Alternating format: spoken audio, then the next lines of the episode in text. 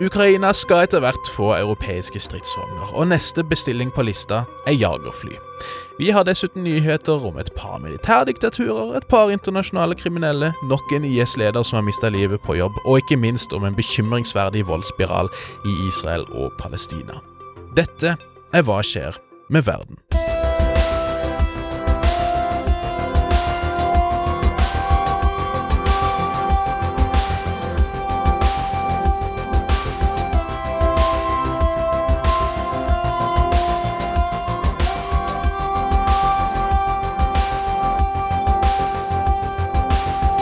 Hei og hjertelig velkommen til en ny episode av podkasten Hva skjer med verden? Denne podden for deg som er interessert i det som foregår innen internasjonal politikk, krig, fred og røre et sted midt innimellom.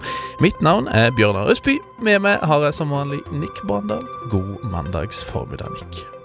Ja, god mandag, Bjørnar. Så vidt. Fordi nå må vi begynne med å ta opp at denne woke-greia har gått for langt. Nei, nei, nei, nei. nei. Igjen. Ja, nå har enda til den italienske mafiaen begynt å kreve å få safe spaces. altså, det er da eh, mafiabossen Giuseppe Graviano som sitter inne for en livstidsdom for å ha sprengt noen bomber og drept noen folk og litt sånn. Mm -hmm. Som krever at eh, boka eh, Zolo e il coraggio, altså Mot er ensomhet, av eh, forfatteren og journalisten Roberto Saviano må inndrages fordi han er misfornøyd med hvordan han har blitt omtalt. Ai, ai, ai, ai.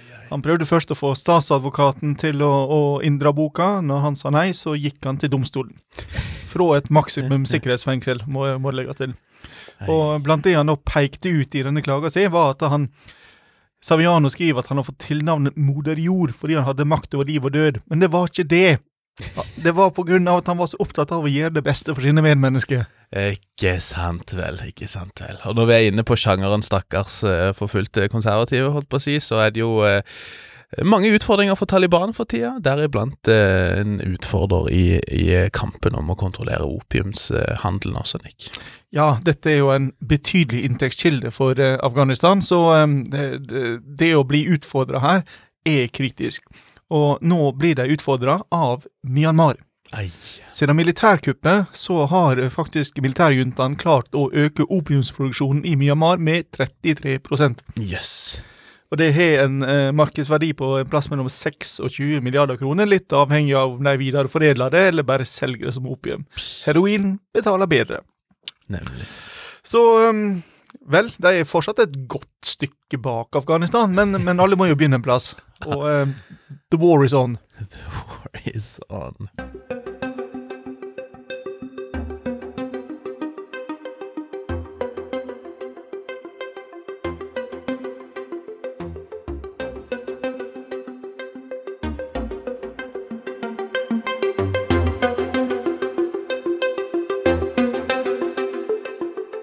Vi har som alltid mye vi skal igjennom, og vi kan jo holde oss litt i, eh, i liksom sånn narko- og organisert kriminalitet-land, eh, om du vil, med nyheter fra Brooklyn i eh, USA hvor det ser ganske dårlig ut for den beryktede colombianske narkoen som går under kallenavnet Otoniel, men som vel egentlig heter Dairo Antonio Osuga David, sånn cirka.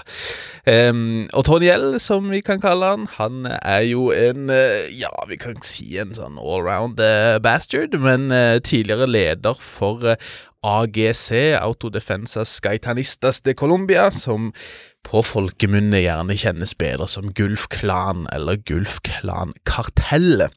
Og eh, nå skal ikke jeg late som jeg kan kjempemye om kokainhandelen i eh, Colombia.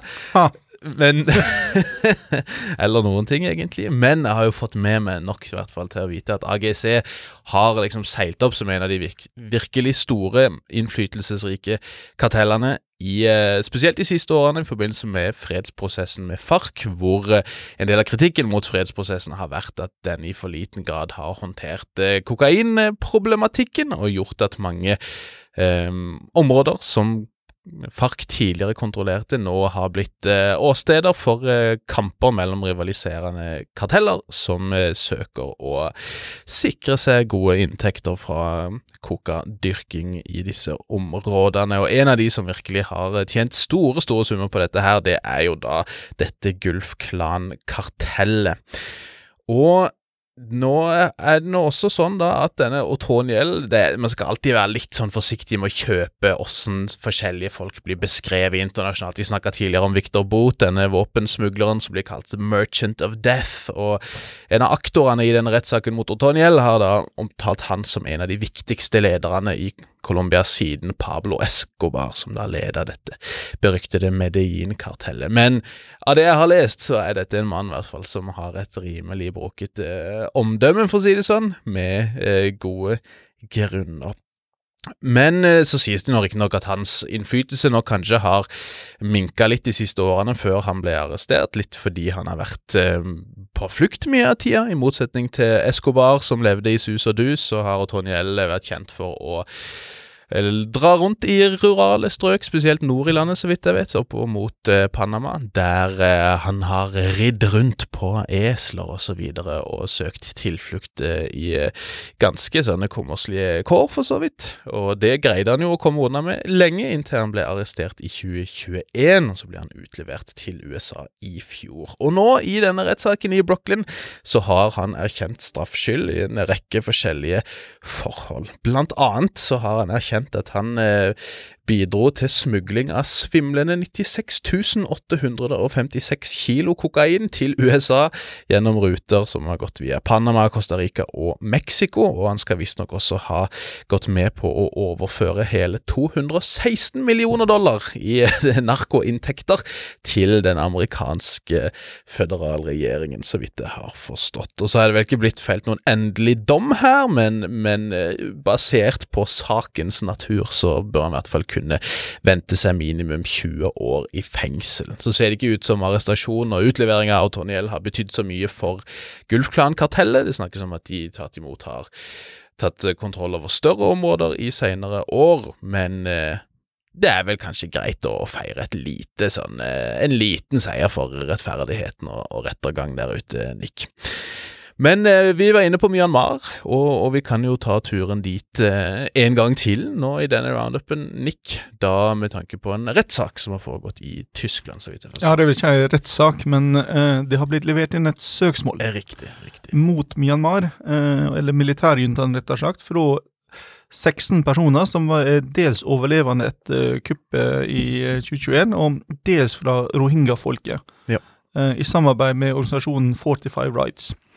Og eh, Bakgrunnen her er jo at dette, de kommer med anklager om diverse eh, forbrytelser, som inkluderer folkemord, krigsforbrytelser og forbrytelser mot menneskeheten, som går inn under det som heter juriste, uh, universell jurisdiksjon. Mm. Altså dette er forbrytelser som alle land kan etterforske og ta ut tiltale for, selv om det har skjedd i eh, et annet land enn det landet som da tar ut tiltale. Stemmer.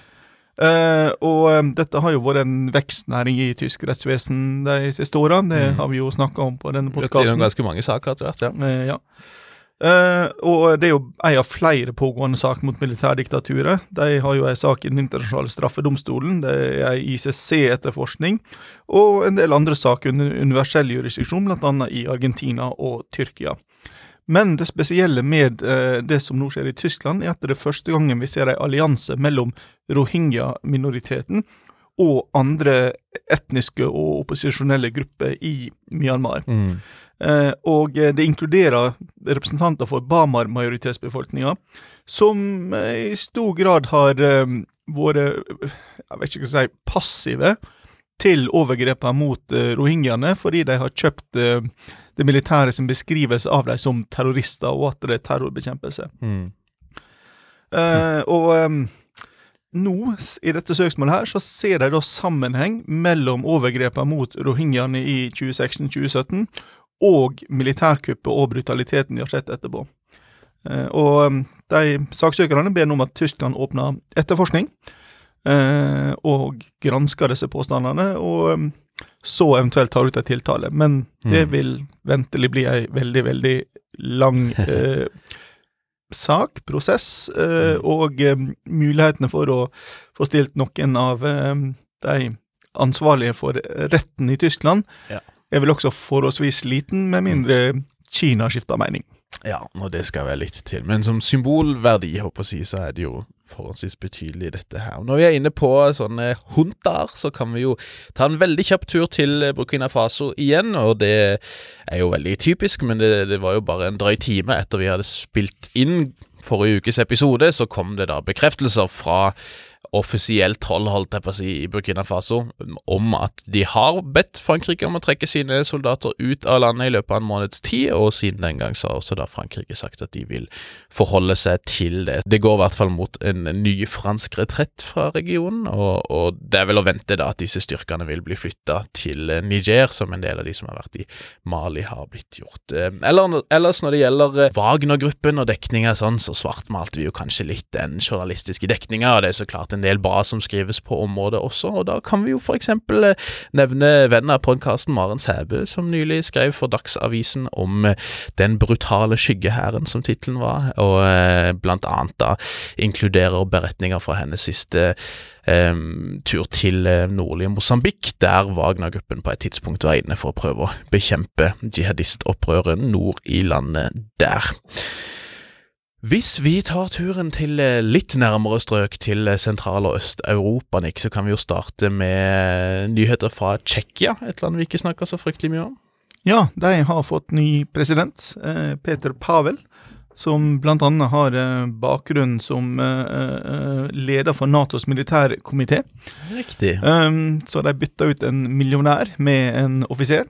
Um, det er ikke alltid det trenger å være en god ting, men i dette tilfellet så har det blitt møtt med en blanding av um, glede og lettelse i europeiske regjeringskontorer. Og Mm. grunnen til det er at alternativet, Andrej Babis, ville man ikke ha. Nei, nei.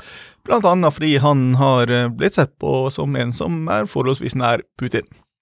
Eh, Han har i hvert fall ikke ville deltatt med, eller gått inn for å delta i sanksjonene, og i hvert fall ikke i militærhjelp til eh, Ukraina. Mm. Mens Pavel eh, han har utvetydig fordømt Russlands aggresjon og gått inn for å støtte Ukraina så langt det er mulig.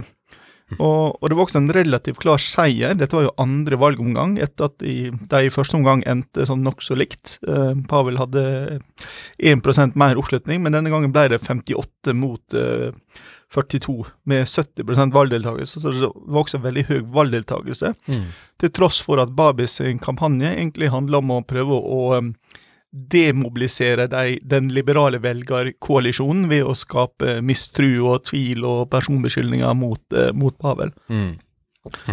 Så um, god nyhet for uh, europeisk uh, samarbeid, god uh, nyhet for koalisjonen som støtter Ukraina. Og nok en dårlig nyhet i en serie av dårlige nyheter for Vladimir Putin. Ja, couldn't have happened to a nicer guy. Og eh, når vi er inne på det, så har det jo skjedd et og annet også når det kommer til dette med forsyning av stridsvogner til eh, Ukraina. Nick, det har vært veldig mye snakk om dette her lenge. Vi har venta på hva den endelige avgjørelsen til eh, Olav Scholz og den tyske regjeringa vil bli når det kommer til Leopard 2-tanks, og hvorvidt de selv vil sende, eller tillate at andre stater sender slike. Og ta en sånn kjapt sveip gjennom hva som har skjedd der den siste drøye uka. Nick. Nei, vi traff jo egentlig ganske godt på spådommene våre forrige mandag. For once, ikke Eh, vi sa at uh, Tyskland kom til å sitte på gjerdet veldig kort tid, og så kom de til å gi etter. Og det som løste floka, var, som vi vel også antyda, at eh, amerikanerne sa at de kunne sende en symbolsk mengde av disse Abrahams-tanksa, Mm. og så gjorde det det mulig for Tyskland å si at ok, da sier vi ja til eh, Leo 2. Ja. Eh, så har jo amerikanerne etterpå sagt at eh, men disse Abrams-tanksa er ikke til å dukke opp før om et år, altså. Eh, mens Leo-tanksa er, så vidt vi forstår, på vei til Ukraina. Og altså, så er det vel snakk om Altså, de de, tysk, de, fra Tyskland var det vel snakk om kanskje sånn mars-april mars, eller noe sånt, men det er jo en rekke andre stater nå som, som, vil sende. Ja, altså de som sitter på de store mengdene her, er, er Tyskland, det er Polen, det er Finland og det er Spania. Mm. Og Spania var jo ute allerede i fjor faktisk og sa at de var villige til å sende noen. Det var litt sånn uklart hvor mange de hadde stående som A ikke var i bruk og B var i kjørbar stand. Mm. Men et sånn tosifra antall, eh, en plass mellom 14 og 25, kanskje, ja. har vært antyda. Finland var jo ute og sa at de var villige til å sende, men de har ikke satt noe tall på det. Um, det samme med Polen, som heller ikke har satt noe tall på det. Så uh, Foreløpig er ikke det store mengdene som har blitt uh, annonsert skal være på vei. Det er også snakk om at Norge skal sende noen av de vi har. Vi, vi har mm. forholdsvis få. Mm. Uh, men, så um, hvor fort de kommer, hvor mange som kommer, er fortsatt veldig uklart. Og så er det jo en helt annen ting at ukrainerne må, må klare å bruke dem. Og det handler ikke om å kjøre disse tanksa eller fyre av våpnene. Det handler om å ha logistikk for å få fram forsyninger med våpen, med drivstoff, og ikke minst de som kan reparere dem. Mm. Ja, så det er jo en, en, betydelig jobb som må legges inn på liksom, støttesida av saken for at dette her skal fungere optimalt. Men så er det ikke Altså, bare så vidt de hadde fått uh, annonseringer om at tanks vil komme, så kom neste neste item on the agenda fra ukrainske myndigheter, nemlig jagerfly. Ja, og, og dette hadde vært spekulert i var en av grunnene til at Tyskland holdt igjen, fordi de frykta at dette var, ville bare fortsette og fortsette og fortsette. Og, ja, ja. og jagerfly vil jo være ei ytterligere eskalering. Mm. Eh, ikke minst eh, hvis det skulle være så uheldig at de skulle eh, ende opp med å sende noe inn på russisk territorium. Ja. Eh, men eh, Kiev ba oss om jagerfly nesten samme dag som Tyskland sa ja, og den umiddelbare responsen har ikke vært avvisende. Eh, Bidens assisterende nasjonale sikkerhetsrådgiver John Finer sa på torsdag at dette var noe de ville citat, 'diskutere veldig nøye'. Eh, lederen for forsvarskomiteen i den franske nasjonalforsamlinga, Thomas Gassio, eh, svarte at en ville la alle dører stå åpne. Eh, og dette var jo på en pressekonferanse etter han hadde vært i møte med den britiske forsvarsministeren Ben Wallace. Mm. Og jeg regner med at det har vært tema på det møtet. Og Polen var også raskt ute og sa at de rett vil de stemme for dersom spørsmålet kom opp, noe også Litauen samstemte i. Og mm. spørsmålet vil ventelig komme opp uh, i løpet av et par uker når uh, forsvarsministrene i Nato skal møtes for å diskutere annet Ukraina. Ja. Og, og, her er det jo de landene som har produsert de aktuelle flyene som uh, kan si nei. Uh, Tyskland har ikke mulighet til å hindre noe som helst, egentlig. Og da snakker vi egentlig mest om amerikanske F-16-fly, ja. eh, som de fleste Nato-landene nå er i ferd med å, å, bytte ut, så de har en mm. del stående rundt omkring. Eh, det har vært snakk om noen franske Mirage, eh, samt at eh, Slovakia har en 11 MiG-29 som de har sagt seg villige til å, å, å levere. Mm. Så er det jo et sånn lite problem her, som kan bli veldig stort. Ja. Eh, nemlig hvordan skal disse overleveres? Fordi de må da nødvendigvis eh, hentes på en militærbase i et Nato-land. Eh, og da er det jo viktig å, å, få dette til på en måte som gjør at eh, ikke Nato kan bli beskyldt for å gå inn i krigen eller bli en part i krigen. Så mm. det er noen sånn logistisk, teknisk, juridiske eh, spissfindigheter som, eh, ja. som må utjevnes. Mm. Ja, vi kan jo eh, som ofte ta en tur til litt eh, sydligere strøk også, håper jeg og, og, vi har jo hatt en lei tendens nå til å liksom gå ut med tilsynelatende gode nyheter fra fredsprosesser, og så kort tid etter få sett at det kanskje ikke har gått så bra som vi håpet. Og siste innslag her er jo eh, fra Kamerun, der det rett og slett er litt sånn forvirringsområder, fordi vi sa jo sist uke at kanadisk UD var ute med et statement der de sa at de var klare til å mekle i nye samtaler mellom myndighetene i Kamerun og en lang rekke forskjellige separatistbevegelser fra denne selverklærte Ambazonia-regionen, holdt på å si, disse anglofone eh, provinsene vest i Kamerun. Men så har Kameruns myndigheter kommet ut og sagt at de har ikke bedt noen eh, fremmede makter holdt på å si, om å, å mekle i disse spørsmålene, og med det til tilsynelatende da avviste dette statementet fra kanadisk UD. Hvorvidt det betyr at Kamerun ikke faktisk kommer til å gå inn i disse samtalene, er jo en annen ting, men eh, det sender litt underlige signaler, tror jeg vi kan si. Ellers så har vi også hatt nyheter fra Somalia. Vi kunne jo snakka mye mer om eh, myndighetene der og deres kamp mot Al Shabaab, som eh, har vært forholdsvis suksessfull de siste ukene og månedene, men som også da har blitt bøtt med stadig nye bombinger fra Al Shabaab og angrep mot forskjellige kontorer i Mogadishu nylig. Men i dag så skal vi snakke så vidt bare om et amerikansk angrep. Ikke mot Al Shabaab, men mot IS i Somalia. For det er ikke bare Al Shabaab som representerer global jihad si, i Somalia.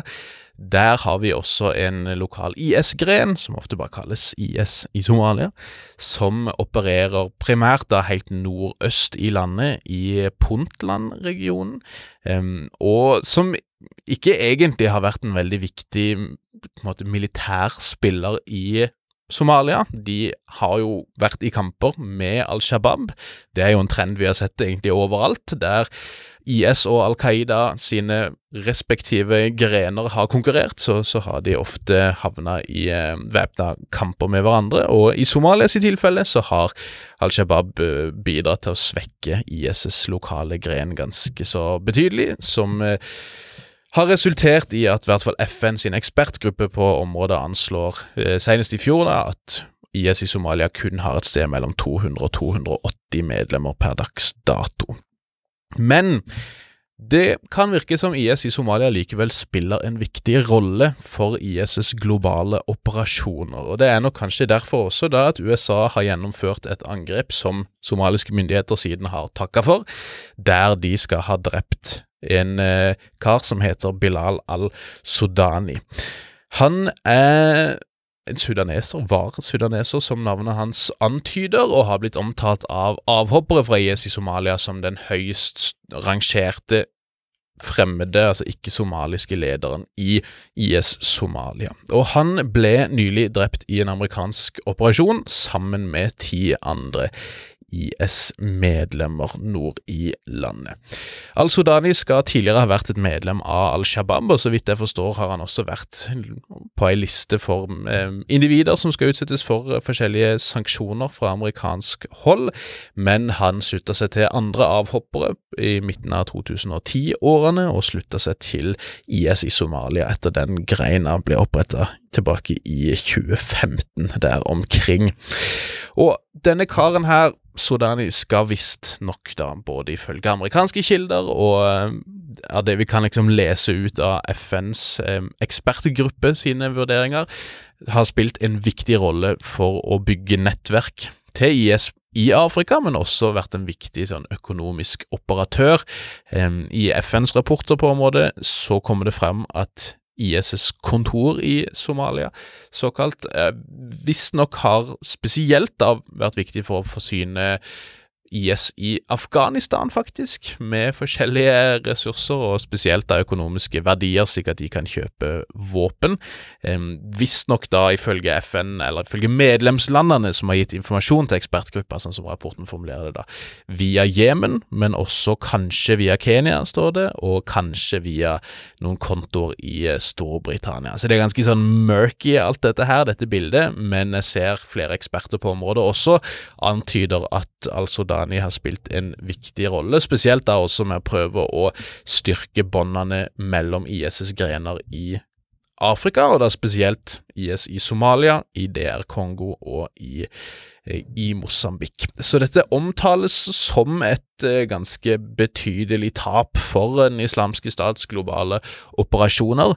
Ikke for IS i Somalia nødvendigvis, for de har aldri vært spesielt innflytelsesrike, verken lokalt eller nasjonalt, men eh, potensielt et, eh, nok et skjær i sjøen, om du vil, for IS' globale operasjoner.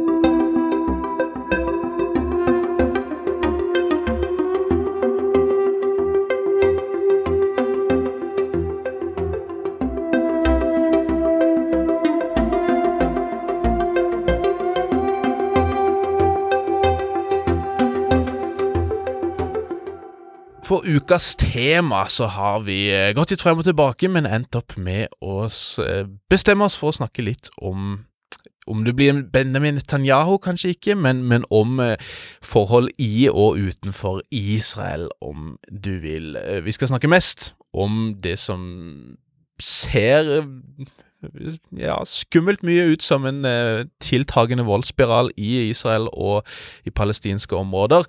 Men vi kan starte med de siste nyhetene fra Iran, hvor eh, Iran har blitt utsatt for et angrep som eh, det er gode grunner til å tro at Israel har stått bak. For nylig så kom det meldinger om et angrep mot en fabrikk nær byen Isfahan. En fabrikk som, avhengig av hvem du spør, visstnok produserer både ammunisjon og droner, men som da skal ha blitt knytta til Iran sitt missilprogram også.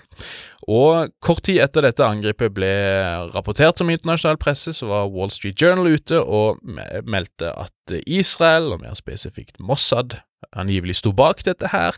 I ettertid så har flere andre internasjonale mediebyråer også vært i kontakt med forskjellige amerikanske tjenestefolk, som sier at USA ikke har hatt noe med dette her å gjøre. En israelsk journalist, eh, Barak Ravid, har eh, vært i kontakt med kilder angivelig tett på denne operasjonen, som skulle tyde på at uh, dette er en israelsk operasjon, og, og uh, fortellinga fra de kildene der er at dette har vært en suksessfull operasjon som har ramma Irans missilproduksjon. Det er foreløpig litt sånn vanskelig å si hvor mye ødeleggelse dette angrepet sto for, og hvilke midler som har blitt brukt. Det har vært snakk om selvmordsdroner, såkalt, eller om noen quadcopters og lignende, uten at det er så lett å etterprøve det. Iran hevder så klart at skaden har vært minimal, og at ingen liv har gått tapt, men enn så lenge så har det ikke vært veldig mye til uavhengig dekning eller mulighet til å granske satellittbilder foreløpig. Så vi får nok vite mer om hvordan det har gått, holdt på å si, litt further down the line.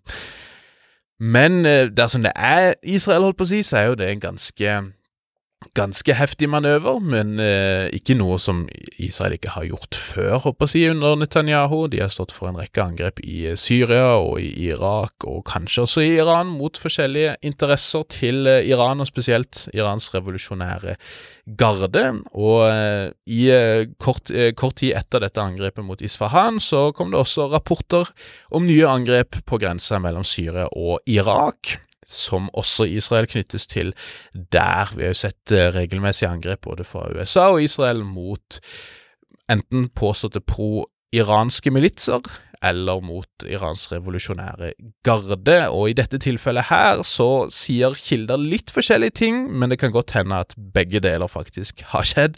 Men det kom først rapporter om et massivt luftangrep mot en lang eh, konvoi til den iranske revolusjonære garden som var på vei fra Syria inn i Irak. Andre har sagt at luftangrepet var retta mot en samling iranske militære ledere. Enda andre har sagt at det har vært mot baser til lokale pro-iranske militser. Litt uklart akkurat hva som har skjedd, og om dette er beskrivelser av flere forskjellige hendelser i området, men igjen så hevder amerikanske tjenestefolk som internasjonale medier har vært i kontakt med, at USA ikke står bak, ergo så er det gode grunner til å tro at også dette er eh, en israelsk operasjon.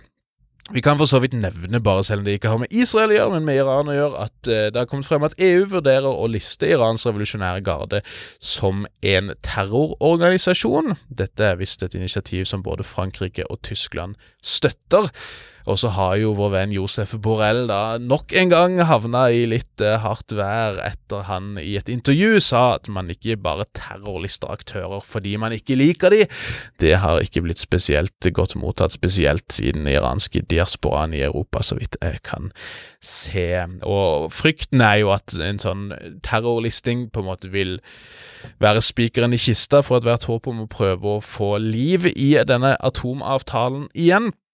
Men samtidig så virker det ikke for meg som det er veldig stor tro på dette her. Eh, Anthony Blinken ble nylig intervjua av Al Arabia, og sa i det intervjuet at Iran har avslått det nyeste forslaget på en, en slags ny og gjenoppliva avtale, og konstaterte samtidig at all options are available on the table for å forhindre at Iran skal anskaffe seg kjernevåpen. Og bare for å ta det så virker det for meg, i hvert fall som de som står tettest på det som foregår, at hvis dette da faktisk er et israelsk angrep mot missilproduksjon i Iran, at det handler veldig mye mer om Israel og Iran enn det handler om Ukraina. En av rådgiverne til Zelenskyj var ute på Twitter og sa at det har vært en hektisk, eh, det var en hektisk kveld i eh, Iran, og vi advarte dere, men eh, det er nok gode grunner til å tro at dette handler langt mer om geopolitikk i Midtøsten enn det handler om situasjonen i Ukraina. Men det vi har lyst til å snakke mest om, og det vi nok bør følge veldig mye med på nå, Nick, det er jo situasjonen på hjemmebane i Israel. Og vi har jo snakka en hel del om denne nye høyreradikale regjeringa til Netanyahu. Men så får jo den makt i en kontekst hvor eh, volden allerede har vært i ferd med å eskalere på Vestbredden, og der vi har sett noen ganske voldsomme eskaleringer bare de siste dagene, Nick. Ja, altså um, Det begynte jo med dette terrorangrepet mot ei synagoge i Øst-Jerusalem, der uh, sju personer ble drept. Og den ble jo universelt uh, fordømt av uh, mm. nær sagt alle. Ja. Uh, det inkluderte Tyrkia, Saudi-Arabia, Bahrain, Emiratene. Og um, Emiratene er jo spesielt interessant her. Kanskje? Ja, det var Jeg så en kar som påpekte at det var litt sånn interessant å sammenligne fordømmelsene å si, til Emiratene og Saudi-Arabia. Emiratene har jo det, en avtale med Israel og har jo vært en god opptining i forholdet der de siste årene. Og i den, det statementet så var fordømmelsen retta mot kriminelle handlinger som dette her, og mer mot terrorisme as such, mens eh, Saudi-Arabia sin fordømmelse var mye mer retta inn mot fredsprosessen. Den eksisterer jo ikke per dags dato, men en eh, formaning om å ikke eskalere ytterligere, om å vende tilbake til fredsforhandlinger og om en slutt på okkupasjonen. Så fortsatte jo egentlig voldshandlingene bare gjennom hele helga. altså mm. På uh, lørdag morgen så mm, var det en 13 år gammel palestinsk gutt som skjøt med revolver mot uh, forbipasserende i Øst-Jerusalem. Uh, han skada to personer før han sjøl ble skutt av en forbipasserende. Ja, det var tungt bevæpna bosettere som gikk ja. forbi her også. Mm. Lørdag kveld, under demonstrasjoner mot regjeringa, så skjøt en angriper mot en nybyggerdrevet restaurant nær Jeriko på Vestbredden. Noen timer seinere ble en væpna palestiner som nærmer nærma seg eh, bosetninga Kedumin vest for Nablus, skutt og drept.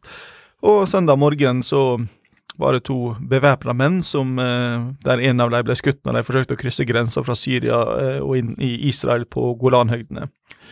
Så ville jo selvfølgelig ikke israelske nybyggere være noe dårligere. Så sør for Nablus så angrep de butikker, satte fyr på biler og og, eller, og, og skada personer. I Turmusaya nær Ramallah så var det brannattentat mot et hus, og i Øst-Jerusalem så angrep bosettere palestinere, og det var også da sammenstøt mellom palestinere og sikkerhetsstyrker. Og nå bare for noen timer siden var det også en rapport om at en 26 år gammel palestiner ble drept på et checkpoint i eh, Hebron. Og det betyr vel da at det er 35 palestinere som har blitt drept eh, bare i januar i år, da. Noen av de bevæpna, mange av de ubevæpna, og mye av dette har jo også da skjedd før dette siste terrorangrepet. Det kom jo etter en operasjon der israelske sikkerhetsstyrker eh, drepte ni palestinere. Det har jo vært mange sånne raid, spesielt i Jenin og Nablus på Vestbredden, der det også har vært stor grad av væpna mobilisering siden i sommer spesielt.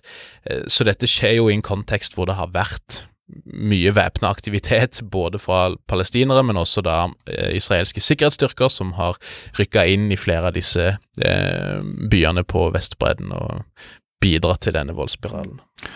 Og i forlengelsen av dette så har vi jo sett økende trakassering av media og av uh, opposisjonspolitikere, eller de som er mer uh, moderate enn Netanyahu, og det er vel praktisk alt alle til venstre for Kublai Khan og Djengis Khan, men det, det, er noe helt annen sak. Men på åstedet for fredagens angrep i Nevjakov så ble et israelsk TV-team skjelt ut og trakassert, og, og det har også vært rapporter om at journalister har blitt eh, verbalt angrepet andre plasser, og dette er jo lett å koble til at eh, regjeringa har eh, utpekt media som en fiende. De mm. hevder at de er partiske, de vil jo endatil legge ned denne allmennkringkasteren Khan.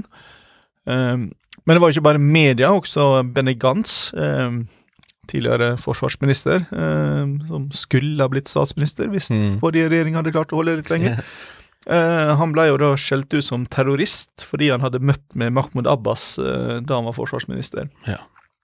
Så er jo dette en region der veldig få kan motstå fristelsen av å gjøre en krise om til en katastrofe. Mm. Og eh, aller minst av alle Benjamin Netanyahu. Um, Ja. så uh, han begynte jo med å foreslå at Altså, han har en masse forslag nå hvordan vi kan løse dette her, som Mm. uunngåelig vil gjøre dette verre. Ja. Eh, altså, han vil eh, slippe opp på våpenlovgivninga. Eh, Altså, han vil bevæpne sivilsamfunnet. Det er jo ikke et problem at det er for lite våpen i denne regionen. der. det er noe spesielt bosettere, spesielt de si, mest ekstreme av de, som er væpnet til tennene allerede. Men nå er ideen da å gjøre det, prosessene med å få våpensertifikater mye lettere for å bevæpne større deler av sivilbefolkninga, angivelig. da. Så har han foreslått å innføre det som eh, nazistene kalte sippenhaft, altså eh, familiestraff. Eh, Veldig lett eh, oversatt. Altså kollektiv avstraffelse der eh, gjerningsmenn sine boliger kan bli revet, der velferdsutbetalinger til familiemedlemmer kan bli stoppa, osv. Ja, og dette er Det som har blitt meldt, er jo selv liksom antatte gjerningsmenn. Og når vi sier gjerningsmenn, så, skriver, så sier jo Netanyahu så klart terrorister til absolutt alt her. Men, men uh, selv antatte gjerningsmenn høres ut som man kan da forsegle, eller liksom uh, Ja, rett og slett sveise igjen dørene på hjemmene deres og rive disse, kaste ut familier. Det har vært forslag om å rett og slett deportere familier til, til antatte eller faktiske gjerningsmenn. Det høres ut som det kommer til å bli utplassering av flere israelske soldater på Vestbredden, som neppe vil ha en beroligende effekt på det hele, i tillegg da til at den kanskje mest ekstreme karen i regjeringa, Ben Gvir, som vi har vært innom før, har eh, foreslått å presse på for å innføre dødsstraff da for eh, påståtte terrorister her. Ja, og så um, lar de jo ikke sjansen gå fra seg til å eh, settle old scores. Um, så eh, Ben eh, altså eh, Ben Gvir, sammen med justisminister Yariv Levin, har, eh, har jo nå framstilt eh, den eh, israelske riksadvokaten Gali Baharev Miara som en sikkerhetsrisiko. Ventelig fordi han prøver å stille eh, regjeringa til, til ansvar. Um, og har vært ute mot den rettsreforma de, eh, de regjeringa har foreslått, som skal Mm. sørge for at de ikke kan bli, eh, kan bli straffa for noe som helst. Eh, og eh, Netanyahu har selvfølgelig nå sagt at nå skal vi iallfall bygge bo bosettinga. Så kan du si Det hadde han jo sagt fra før også, så det er for så vidt ikke noe nytt, men eh, Mm. vi gjentar det for sikkerhets skyld. Ja, og det er jo bare å helle Håper å si eh, Ja, det er bare enorme mengder med bensin på et allerede ganske stort bål, håper jeg å si. Og, og altså sånn du kan, jeg vil tro hvis du liksom eh, tråler gjennom både israelsk presse og eh, internasjonale medier, òg, så kan du sikkert hvert år de siste 20 årene finne advarsler om en mulig ny intifada osv. Vi har hatt to på en måte store opprør, ett i overgangen fra 80- til 90-årene, ett i starten av 2000-årene, men, men denne runden med eskalering ser ganske mye mer omfattende og alvorlig ut enn en tidligere. Det tror jeg det er trygt å si. Både det at man har sett en mye større grad av mobilisering på Vestbredden nå, der mye av den væpna motstanden de siste årene har vært fra Gaza, men også da at du har denne her høyreekstreme regjeringa med folk som er bokstavelig talt dømt for både terror og rasisme, som, eh, som liksom skal eh, roe ned spenningene her. Det er vanskelig å se for seg at det kommer til å gå eh, videre pent for seg, rett og slett. Så det er det er ganske bekmørkt når det kommer til situasjonen i Israel og Palestina. og Vi skal jo fortsette å følge med som vanlig, men eh, det, det er ikke mye til liv i noen fredsprosess. Det har det ikke vært på mange år heller, og, og det er vanskelig å se at den skulle komme i gang sånn med det første også nå, dessverre. Vi har utrolig nok greid å holde oss nokså korte for en gangs skyld, og det passer bra, for vi skal videre på seminar. Så vi får bare si tusen takk for eh, følget som eh, vanlig. Vi er tilbake igjen om litt. Takk til deg som alltid, Nick. Sjøl takk, Bjørnar. Takk for oss. Vi høres.